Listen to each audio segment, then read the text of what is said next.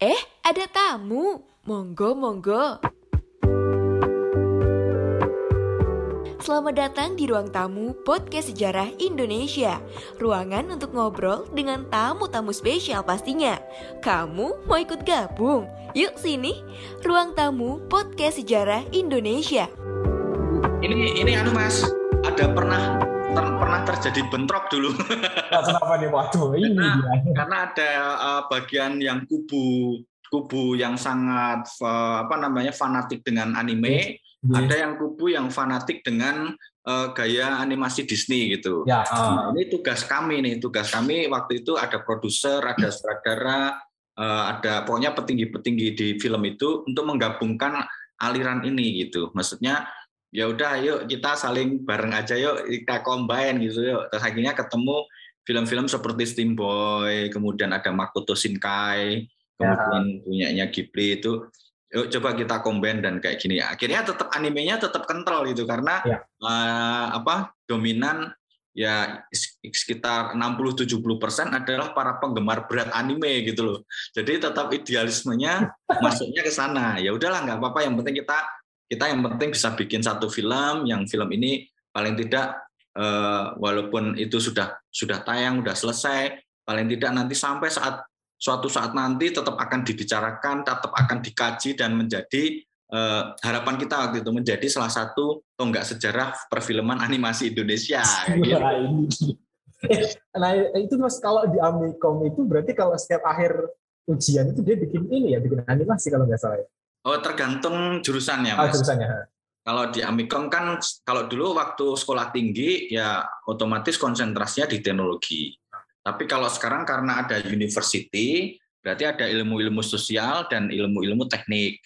Hmm. Nah, ilmu-ilmu ini eh, eh, apa ragamnya banyak. Ada yang sifatnya untuk jaringan, sifatnya untuk financial teknologi atau fintech, kemudian eh, termasuk animasi, ada perfilman dan sebagainya. Jadi eh, beda-beda sih mas. Gitu. Ya, ya, ya. Oke, next question. Pertanyaannya adalah yang paling menarik. Kapan Mas Ari mau kerjasama ataupun gabungan bikin film dengan Makoto Shinkai? Waduh, Makoto Shinkai. Wah, Makoto Shinkai eh, mungkin nganggap saya di dunia ini ada aja, mungkin nggak ngerti ya. Dan kalau Mas Ari sendiri inspirasinya siapa sih Mas? Kalau yang Sebenarnya mereka-mereka ini, jadi Ah. kayak eh, Ghibli ya, kayak Ah. Hayao Miyazaki, ya itu. Makoto Shinkai. Kalau di luar negeri saya senang dengan Christopher Nolan, Hmm. ya James Cameron, termasuk Steven Spielberg. Terus kalau saya terinspirasi film beberapa itu ya seperti filmnya Francis Ford Coppola yang Godfather itu Hmm, itu ya. mendarah daging tuh di dalam dalam ingatan saya. Terus seri-serinya bikinan Christopher Nolan itu saya hampir semua nonton filmnya ya. Maksudnya itu memang salah satu idola banget tuh Christopher Hmm. Nolan. Terus kalau gaya penceritaan itu salah satunya Ghibli itu Kak Hayao Miyazaki karena dengan cerita-cerita yang eh, apa tidak mainstream. Jadi cerita-cerita yang sifatnya sangat imajinatif itu Ya. saya suka juga kayak gitu. Ya itu Mas. Jadi mungkin ini ya teman-teman, mungkin ya doakan saja semoga Mas Ari sama timnya. Amin amin. Eh, udah pernah ke Jepang Mas berarti mas timnya nih. Eh belum kalau ke Jepang, tapi kalau malah neg- negara tetangganya sudah. Korea itu karena dulu pernah Hmm. memenangkan festival di sana, terus akhirnya kan kita diundang, diundang untuk menjadi juri kehormatan. Jadi ketika kita udah menang festival di situ, kemudian dibiayai oleh mereka, didatangkan ke sana untuk jadi juri kehormatan. Nah tahun berikutnya diundang lagi eh, di ajang yang namanya eh, KAPA. Jadi KAPA, KAPA itu eh, apa Korea Association Produ- Animation Producer. Jadi animasi eh, produser-produser animasi mem- memiliki forum. Kemudian saya di situ diminta untuk eh, berbicara tentang eh, eh, apa namanya animasi Indonesia ya antara pasarnya, teknologinya dan sebagainya. Nah di situ eh, berlangsung eh, apa namanya berkaitan dengan acara Busan International Film Festival. Jadi istilahnya ya Korea malah sudah menjelajah banyak hal, tapi kalau Jepangnya sendiri malah belum. Tertutup ya. belum ya. Belum ke sana. Oke, ini nih ini, pertanyaannya selanjutnya juga. Uh, hal yang menarik yang disisipkan di film Battle of Surabaya itu apa aja sih mas yang Indonesia banget gitu? yang orang tuh nggak ngeh ada bagian bagian unik gak ternyata pada penasaran lagi tuh sebenarnya itu kan uh, adegan-adegan yang mungkin tidak tidak terlalu penting tapi nggak secara sadar itu sering kita lakukan ya misalnya ya. kayak uh, Musa cium tangan ibunya itu menunjukkan ah.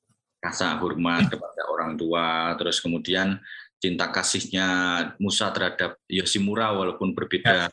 Kita kan orang Indonesia tuh punya jiwa toleransi, punya jiwa sosial yang tinggi, bahkan itu orang asing pun kita hormati, kita no, tidak yang kemudian uh, sangat rasialisme gitu, walaupun masih ada rasialisme di Indonesia juga masih ada gitu.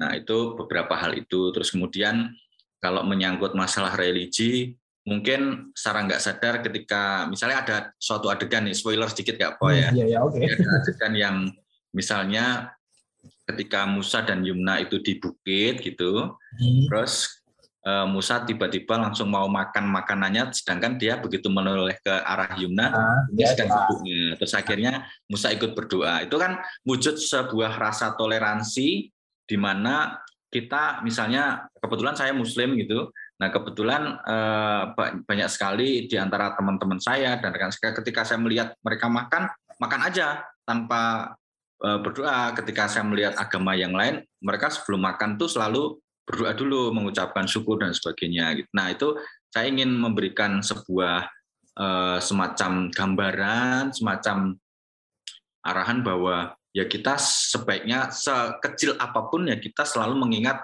adanya kekuasaan yang lebih besar yaitu Tuhan yang Maha Esa itu sebenarnya uh, ya apa ya kayak pesan-pesan kecil yang mungkin ah. orang bahwa itu uh, se seolah seperti humor, ah. tetapi itu sebenarnya humor humor apa ya? Humor intelektual gitu. Lagi makan gitu sampai oh ternyata berdoa. Iya, iya gitu. Oke, okay, next nih pertanyaan selanjutnya ada lagi nih Mas.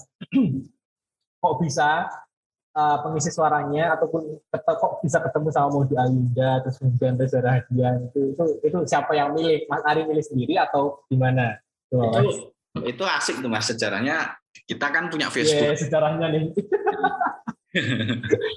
Kita punya Facebook. Di awal-awal ketika uh, kita kebingungan uh, siapa ya kira-kira artis yang cocok buat uh, peran Jumna gitu. Yeah. Ya, kita kayak di Facebook itu ada fasilitas pool ya, ada iya. fasilitas yeah. pool untuk uh, siapa nih? Tadinya ada pilihan banyak, ada waktu itu kan masih zamannya JKT 48 itu. Ya, itu ini ada yang nanya juga, kenapa nggak anggota JKT 48 yang jadi yang jadi, jadi suaranya? Itu yang leadernya itu dulu, dulu juga kita kita masukkan di dalam polling, terus ada Rachel Amanda, ya. kemudian ada Maudi Ayunda gitu. Ternyata sebagian besar dari audiens itu memilih Maudi Ayunda gitu kemudian untuk jadikan Yumna. Nah sekarang yang jadi uh, Musa siapa nih? Yeah. Oh, di situ ada pilihan siapa termasuk sebenarnya Iqbal Ramadan sebelum dia belum dia terkenal banget tuh. Sebelum jadi Dilan ya. Sebelum jadi Dilan.